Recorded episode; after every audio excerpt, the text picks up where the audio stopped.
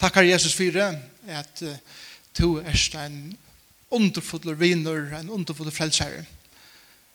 Ein som vi kunne ikke bare komme til, ta vi, vi var troblegger løven, men ein som vi kunne daglig fylgjast vi.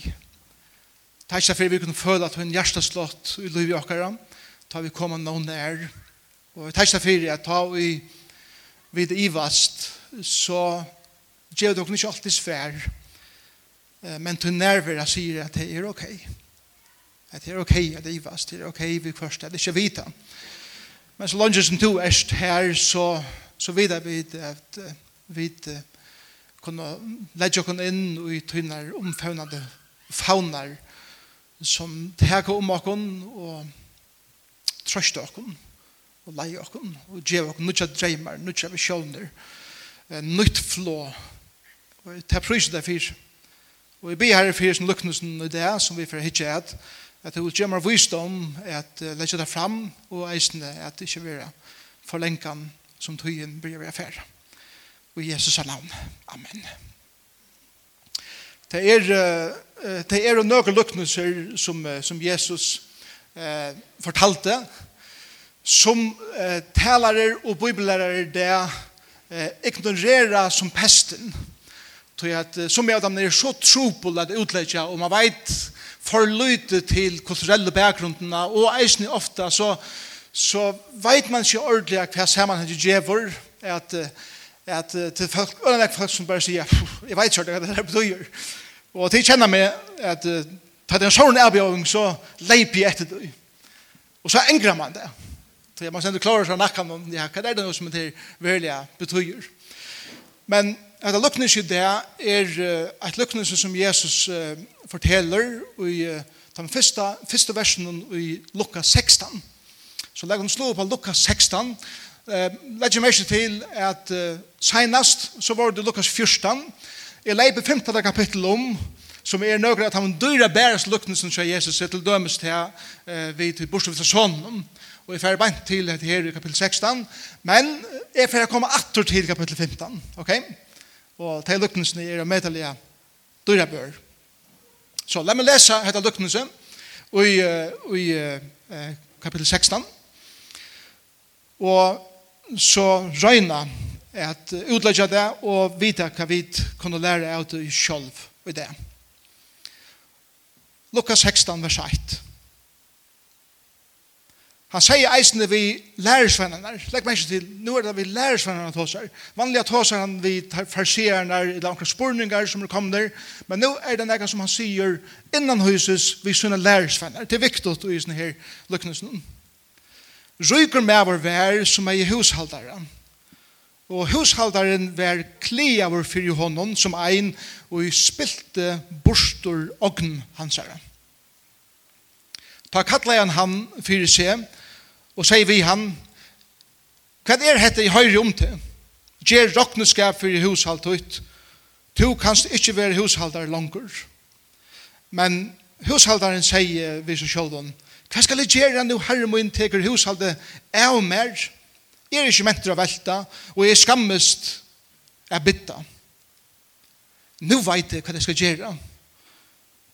Så at jeg tar måten mer i husen søgnen ta i evig setter fra hushalten. At det verset faktisk sier, nu vet jeg hva jeg skal gjøre for jeg skal få, kunne få et nytt arbeid til noen øren, nå er mye hett arbeid. Det er som det verset sier. Så kattler jeg han til sin atler teir som stod i skuld til herre hans herre. Ein fyrre og annan etter. Og han sier min fyrsta, hvordan mye skilter til herre munnen? Han sverar jeg, hundra fød av olje olje her, hatt er olivenolje, hatt er ikkje eh, motorolje. Ta sier han, eh, ta, ta sier han vi han, teg skuldar, teg skuldarbrevet tøyt. set han nyer, og skunda dere skriva holdt trus. Så sier han en annan, men to, hvordan mykje skildar to? Han svarer, hundra tunnur av kveite. Da sier vi um, takk skulderbrev tøyt og skriva fors. så ikke det kan futjar folk langt bryr jeg klara det kunne nakkan han. Hva hender her? Og Herren, det er ikke mye det hva så hender, og Herren røste hinna åratvise hushaldare fire at han hei bore så kløkt et. Så i bøttene og i hesen heimer eier er det klokare måte som nekne at enn bøtten livsins. Og så kommer det som Jesus vil sia i vers 9. Og jeg sier til hun, gjør til hun viner vi hin åratvisa mammon, så teir, ta i livet er vi hånden, kunne teka i måte til hun og i vi och bostøven. Og det her er en sikna 70 år. Det er trobult lukkne seg at utleggen. Det er det verlige. Tøy at man, man første spørsmål som han spyr, kan det bare til at hesten herren, som er først hendet mannen, som, som står for hushalten, rosar han honom for at snyta. Gjør han det? Altså, en herre som vil snytter av sin hushaldare, rosar honom for at snyta seg. Det er det som det her ser ut til at sia. Og tog er det så trobult at utleggja. Men det som er alltid at vi sitter i sin versen er til at herren råsar ikke hesten hushalden fyrir at det var snutt seg, men at han ser aktivt til anna som han ser vær utrolig snilt gjørst av honom, Og hetta hetta luktin sum við kallar fyrir hin órættvís hushaldaren, kanska heyr ein betri titil ver hin snilte hushaldaren. Så sjálvt um gjørð nega sum var órættvís og han snutte og han fekk hin at skriva nýjur ella a skilda minni enn ta verða gjørð så sa tænaren at oi öllunsen her var nega ølja snilt gjørst. Og det var det snilta som hever røste fire, ikke fyre at heva snutt. Jeg vet ikke om det har hjulpet nega som helst å si at der, tror jeg at man sier det stadig vis nye, men at det stadig ikke gjør det rettvist. Så, og så, som man leser nega kommentarer og hva folk sier om det så, så er det eh, bare enda mer innviklet at, at, at lese om. Så, la meg bare helt stort sier hva de halte gonger fyrir seg her, og så byrja jeg tenke det saman i noen andre ting.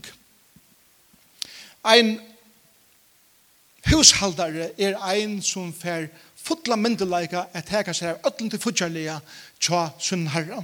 Det var det oppgavene som Josef fikk tja fare kanskje, det var det oppgavene som Nehemias hei tja kanskje eisne, at han er stor og apert, og hesten hever apert av futjarskapen, så at alt gonger vel, og at at betala sutt, og at hever investera rætt, og at pengar var brukt og at uh, bandagæren hever framgångt. Det er hans her oppgave å ordne til. Nå høyrer Herren, eller husbønden, fra ankron øron, at hesten er fudjarleieren tja der, eh, søbla pengarna bostur. Han investerar ikkje ratt, han fer ikkje ratt eit. Det er så søvnar som Herren fer, og han har sikkert finnst det stedfest, og han fer, og han fyrer hendan eh, husalderen, og sier vi han, sirk fire er få bøkene i rattle, og er få tingene i balansiator og er til å lede bøkene inn, altså fyrtja bøkene, og to er her vi fyrter. Det er det som hender her beint. Og hesten her husalderen huksar, hva skal jeg gjøre? Jeg, jeg tog meg ikke grava, han har haft det fina arbeid han tog meg ikke atter at, at arbeid i hånden, så nek av dovenskap her, og han sier, og jeg vil heldur ikke bytta, til nå miste han jo lønna, det var han forstolt til, så jeg må finne på et eller annet. Han veit og i synen boken, hver han fører råkenskap, at det er noen som skilda synen herra eh, penger.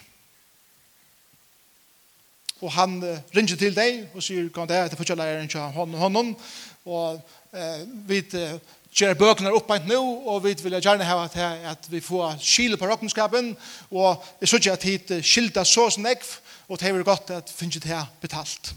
Så han byr det, kom inn til en fond, og så ligger det som i teksten om kreisen hushalderen minst til at de som kommer inn til hushalderen videre, enda ikke at han er furter. Og eh, han hintar, til han spyr i, i vers 5 og 6, Hvordan mykje skilta til herra munnen? Han veit vel at dessen hushållaren veit hvordan han kan skilta. Men til som om at han røyner for en handel lærbant. Og han sverar hundra fød av olje. Og her er det viktig viktige tallet. For jeg kunne utlegge eller skilje det rett. Hundra fød av olje, av olivenolje, er cirka um, 18 til 24 måneder i løn. Det er det samme som at hesen maver som skiltar, skiltar så mye negv at det er omøvelig til hånden å betale handen prusen etter. Det er tve år for tjeneste skiltar han. Så, så negv verst er hundra født av olje. Og han sier vi han, takk skulderbrevet ut, sier det nyer, og skulderbrevet skriva, holdt trus. Og hun sier, mener du det? Ja, ja. ja. Det, vi, vi sier vel at du klarer her ikke at, at betala, det som du skal betala, så du skal få halvt trus prosent. Ja, du skal få helt ned. Wow. Så kommer en annen, hundra tundra kveit, til nøglen det samme, til en opphatt som er så mye stor, er at de klarer ikke betala rokken ikke natter. Hesten kan skrive sinde bedre fire fortjellig enn hin, og han sier, skriv den nye av furs, så fyrst du 20% av raknøysene. Og han sier, men det er fantastisk. Tusen, tusen takk fyrir det. Det som henter, og, jeg, og til må skilja meg arbeid, og, og alle bibler er i samtrum her bare, nå, nå spekulerer jeg. vi, vi må røyne å lese inn i middelinjen der, og hva det kan være, og eisen for å skilja kulturen og hva det er. Og det som er halde hendur, er, er det at hesten hushalderen gjør et eller anna fire at heva et argument antil til stjåren tjåsar som han akkurat oppsagt tjå, Etla vi tøy fri eia er at nu ta i han vær så mykje nøyre og at skjer 30% nyer og så ta og i tær som han er etterlært i hendan hese skuldena høyre at nu han har mist arbeid så er det møyla ikke hon kan skal få arbeid ikke teimen Gjør det mening? Det er det som han sier i, i sin versen om um, uh, hva kjenner det?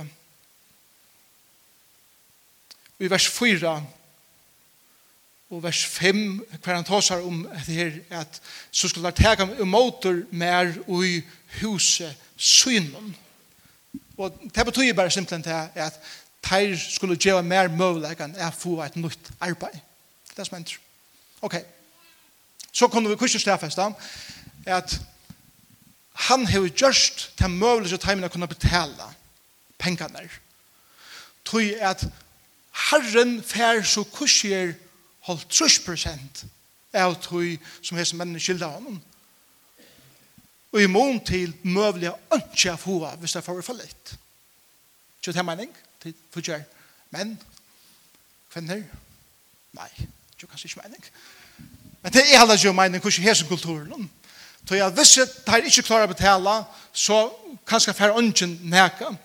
Men det som så hender eisene er til at ta og i hese mennene fra steater og tar her finnes holdt 30% og 20% skåre av råkningene, så fører tar ut og fortelle. til hese hushalderen i kursen i teksten har ikke fortalt at han gjør dette det kan godt være at han halda til at det er sånn husbande som har sagt at det skal være såleis. Teir færre ut og sier det er en fantastisk husbande som har givi okken holdt 30% eller 20% av okker råkning som vi annars ikke hadde klara.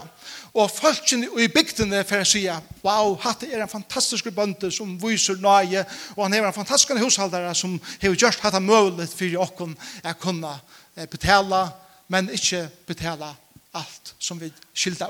Så nu knappelig så er hushaldaren, eh, han som er futjaleiare og i, i, eh, i positiven eion tjotheimon som eh, han lykka i etter, og husbønden, herren, er eisende nu hevur gott oss og oss her i middelen tei falskene som snakkar om hvordan det er og hvordan det er herren vær.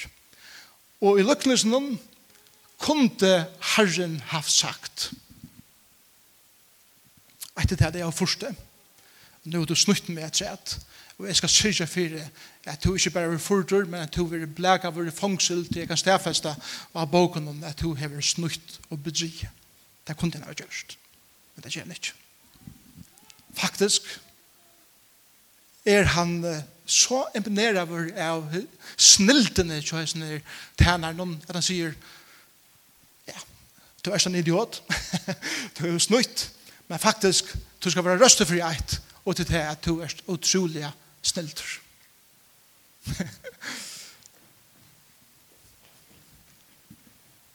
og så spyr jeg meg om spørningen, aha, og hva vil så Jesus vi har sånn?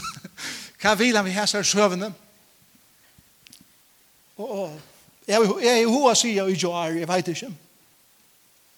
Så jeg, har virkelig, virkelig klarer meg nakken disse vikene. Ja inntil det knappt det kommer hos meg. Og det er det her i fjore ølt etter Krist.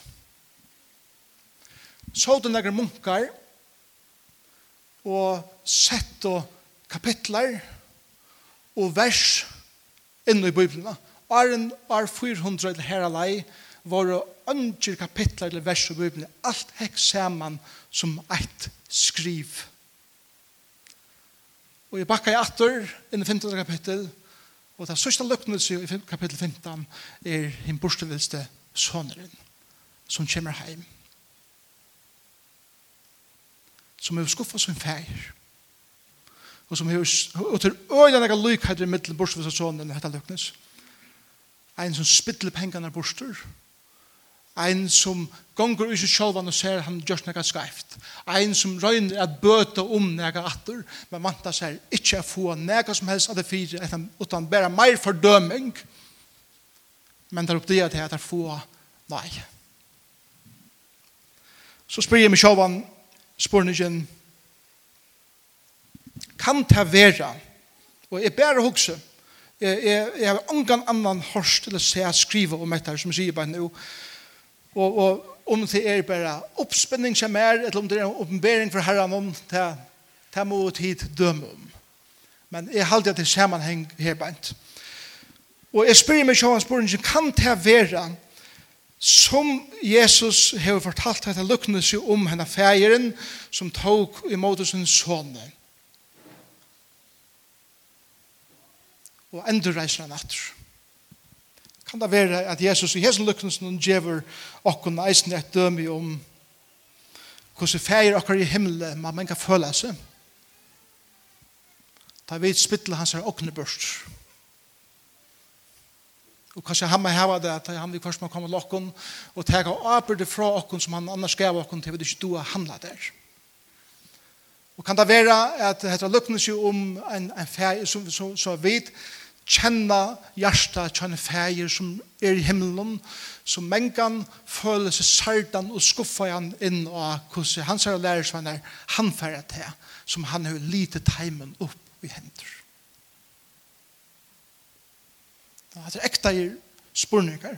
Og som jeg prøver jeg hukk om tar spurningen og ta seg vi ond eisne om til, så, så kom jeg at hukk om hesa spurningene som jeg spurte til hans spurningen og og det var til dømes etter. Kunne vi ikke ødel i det stedfesta og virkjenne at mengan spittla vid ter oknar borster som god til lite okken i hender. Ja? Nei. Er det så sjålratvis?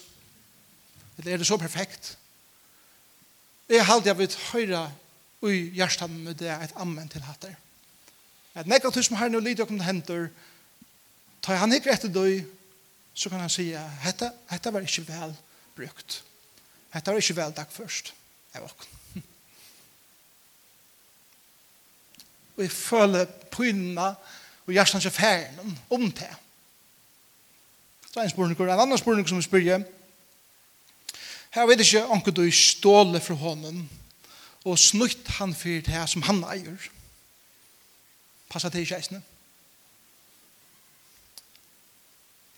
Herren åtte 100%. Hesen teker holdt 30% av. Og kan det være så leis med en gang at det som Herren åtte 100% av fikk han bare holdt 30% på sjur. Og i måten som vi han for det, og måten som vi tog til dere selv, og så vi er. Og jeg spør spørningen, hvordan man ferien himmelen føler til Så spyr jeg en annan spurning.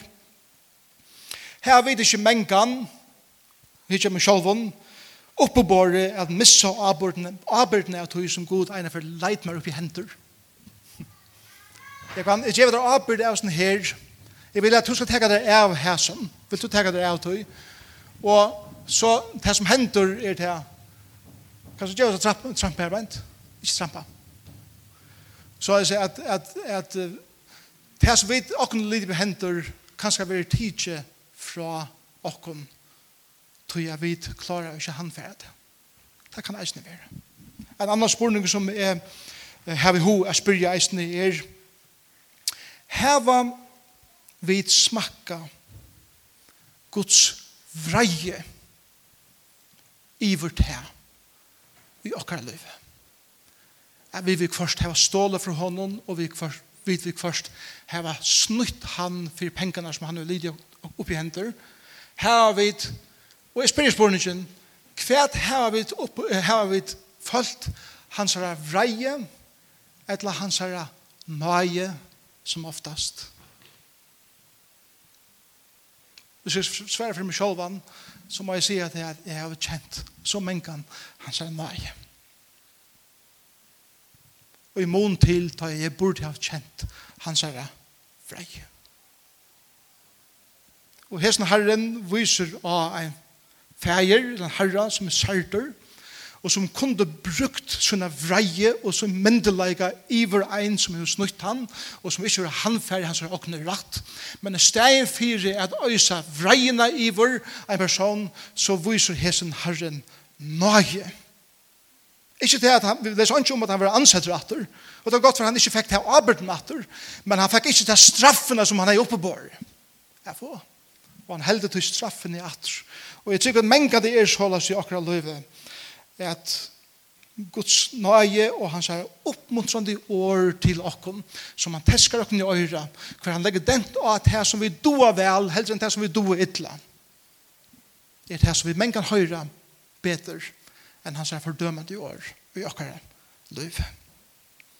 Man det ikke være så leis er god, men kan velur er suttja forboi okkar åratvise, og han kunne give okkar lenga liste iver okkar åratvise og det som vi gjør er skarft, men det steg fire er gjev okkar til så legger han dent av det snilta og det vekra og det som vi doa vel i livet, kjølt over menkan, gjør det skarft så pekar han av det positivt. Og her har han en parallell i middelen bortsett av sonen og den herran som misser eller tænaren som misser arbeidet. Men at tytan og hjertan, av affæren og hesten herran er han, at jeg kunde godt vi min er makt og min myndelega skårdukken er fullkomlig. Men jeg velger å vise nøye. Jeg velger å halda fri og jeg velger ikke å krevje alt som rattvist er mot. Men jeg tåler årettvistene, og jeg tåler mishandlingene, og jeg tåler til å være snutter av det her. Men jeg skal bære det. Da Jesus klarer at jeg akkurat synd på Golgata, og dødja for akkurat synd her, så trykker vi eisen at han mengen klarer å bære til årettvistene som han føler fra oss, som han ser bøten enn i det og hever er, jeg ber at det men vi så kom korsene nøye. Så sier han for jeg teg om hvordan snilder som tænare er så sier han i vers 9 og jeg sier til henne Gjer tekum viner vi hinn hin åratvisa mamman, så teir ta i livet evig hånden, kunne teka i motetikon og hin evig bostøvun. Og det som Jesus sier i hessen versen, jeg kan parafrasere det så leis, pengar er avmarskeier, og tar vera bære gjennom sluttet hui. Lær deg forvinna og bruka penger så leis, at mennesker kunne sutja og hitta Jesus og komme til himmels sammen vi der. Vi gjør noen, og Det som Jesus vil, vil si av sin lærersveinar er hesen tænar som var åratviser dutte korsene at huksa i pengen. Og han sier, mengen er det så leis tja tryggvande folk og tja okkur som er lærersveinar Jesus er at vi doa slett ikke at færa vi pengen som heimeren færa vi pengen er vi det snilt i maten vi investerer og på. Det er det som jeg halde Jesus sier i hessen her eh, lyknelsen at han sier at investera pengar ut her som leier mennesker til trygg av Jesus Kristus, Sjalt om det er pengar som heimelen høyra til, om det er uiløver, eller om det er forvinninger, eller om det er karrieran, hva er det tjena pengar, ikke separera det som høyrer heimen til, det som høyrer eh, eh, sankummen til, det andale løven til. God ser det som han er heilt, og han innskjøver til bruka og være snilt at bruka pengar at han hatt. At lykka mykje for det kommer fra så kunne vi bruka det til herrans sikning så at mennesker kunne være frelst. Og jeg er så trøytter mengene av sin stoltleikene som er i okkar sankommun at vi skulle nok klare å betale alt okkar utan vi negra bruk fra noen øren utanifra som om at det er vid og det er tid Jeg hadde Jesus sier akkurat det øvet av isen hele lukten som er beint. Vær snilt. Ikke være så stolt at det, at det bare er fra okken og fra okkara lommon som om vi ikke er å tog og finne fra heimen. Jo, det her vi. Vi er ui heimen. Vi forvinner penger i heimen. Og vi, vi forveksler penger i heimen. Og vi skulle huksa snilt. Så leis at her som vi investerer ui, er en pastor av heimen og heimen kan være sikna av det men i djøgnen til kunne folk komme inn og i rydde god som være frelst. Det er det som Jesus lærer oss og i sånne her lukkene oss noen. Jeg husker om Bono og U2 som uh, tjener millioner på å ferast og spela feita musikk, hver folk kommer inn av öllum mövlun sløvna människan som aldri har hørt om Jesus, vil jeg ikke ha i henne gjøre, og komme inn og, og, og, og syne mat av være på, og, og, og om det er drukken eller ikke, og om det kommer som hårkattar eller hårkvinner eller ikke, det er ikke spurningeren. Spurningeren er, har vi en bådskap, som kan røkka noen mennesker som ønsken andre hei kunne rett. Og tar pengene som er feie inn til det. Her har jeg sett meg fire sier nå, at se det inn i neistata Afrika, og er det er hver bøtten dodja av AIDS, og folk var utslett av, utslett av hungersnei, og alle disse tingene, jeg vil djeva en parst av tog til herrens versk. Det betyr heller ikke til at bono skal bare si alt fra seg. Og vi talte ofte til at en som vera djevet til herren, han, han lever som fadekker. Og jeg halter vi har, har bruk for å lære til at selv til å tjene noen penger, og til at folk som har råd til å kjøpe seg flott og dyr ting, har sikten til og utøy, men hvis du ikke for å sitte spurninger til deg om deg som annars må gjøre noe, du har mengen gjøre deg nekva mer, enn de som ikke vilja forvinna nega, og som ikke vilja eh, hugsa og spekulera og i pengon, så er det man kan investera det til Guds rujtje. Og det blir bare det som jeg skal krampaktig halda om. Jesus sier, hukse ut om boksene som tryggvande, og ikke leta tradisjoner og meiningar om pengar og hva vi får derfra, og så vil jeg skrumpa og nyer, og jeg pikke litt ting, kan vi ikke ha råd til nega som helst nega, og kristna sankumann vil eikjende av tog, at alt skal bare gjøre gratis, og ikke kosta nega, og, og så vil jeg, og tog vil er eisen kvaliteteren her, etter. Og nekker kvaliteter av de kristna som kommer ut i det, så vi er, er som, som anker sier, ta reine lorster. Tøy at det er så vanligt. Og vi har bruk for at hoksa nek større enn det. Og til det som heldig Jesus sier i sin løknes noen, er at vi har finnet en herra som er nøyerykker og viser okken hvordan vi eier være snilt. Han, han, han, Han sier ikke at vi skulle snyta, sjåan det ikke det, og det er ikke det som det lukkene sier om, men han ber okken at læra okken at investera ratt, såleis at vi kunne ha forvinning, såleis at folk kunne høyra om Jesus og bli frelst. Såleis at en dag tar vi kommer til himmels, så vil det pengene som to forvanst og spytte i okkurst som gjør det til at ein maver en kvinne ankerstendere i følgende til æresten hørte om Jesus og i jøkken til som tog oss penger til såleis at hei gås ut liv til Jesus og koma heim til himmels. Og ein dag ta i god åpenbære avleggar for okkon så kan skal være en dronker i myrskaste Afrika eller inni i junglene i, i myrskaste Brasilien eller i Sibirien eller hver som verer her som folk boleggast og kan skal sjoldan av hørs om Jesus at eit eller annet som to kjørte til to dora spekulera og at sette uiløver og så skal han eller hon komme til troen i himmelen og si at Jesus har åpenbæret meg for, for meg at det var grunn til at det er som tukjørt at det er jo det. Er det her? Som er det her? Hva er Kære samkommer jeg, jeg, jeg Mer jeg kommer til å kjenne Jesus, dess bedre jeg kommer til å kjenne han. Dess meira Ho tungur bliv vi er om hvordan saman skrumpa i vi det her om en gang. Og hvordan lytet vi er bliven. Og hvordan lytlar vi sjånar tjag nere. Tess meir kommer jeg kjenne Jesus, tess meir kommer jeg suttja og kjenne en mann som heier visjoner lengt ut om det som vi heila tidsi tåre å drøyma eller å suttja i okkar sankumon og i okkar kristenløyven og i det.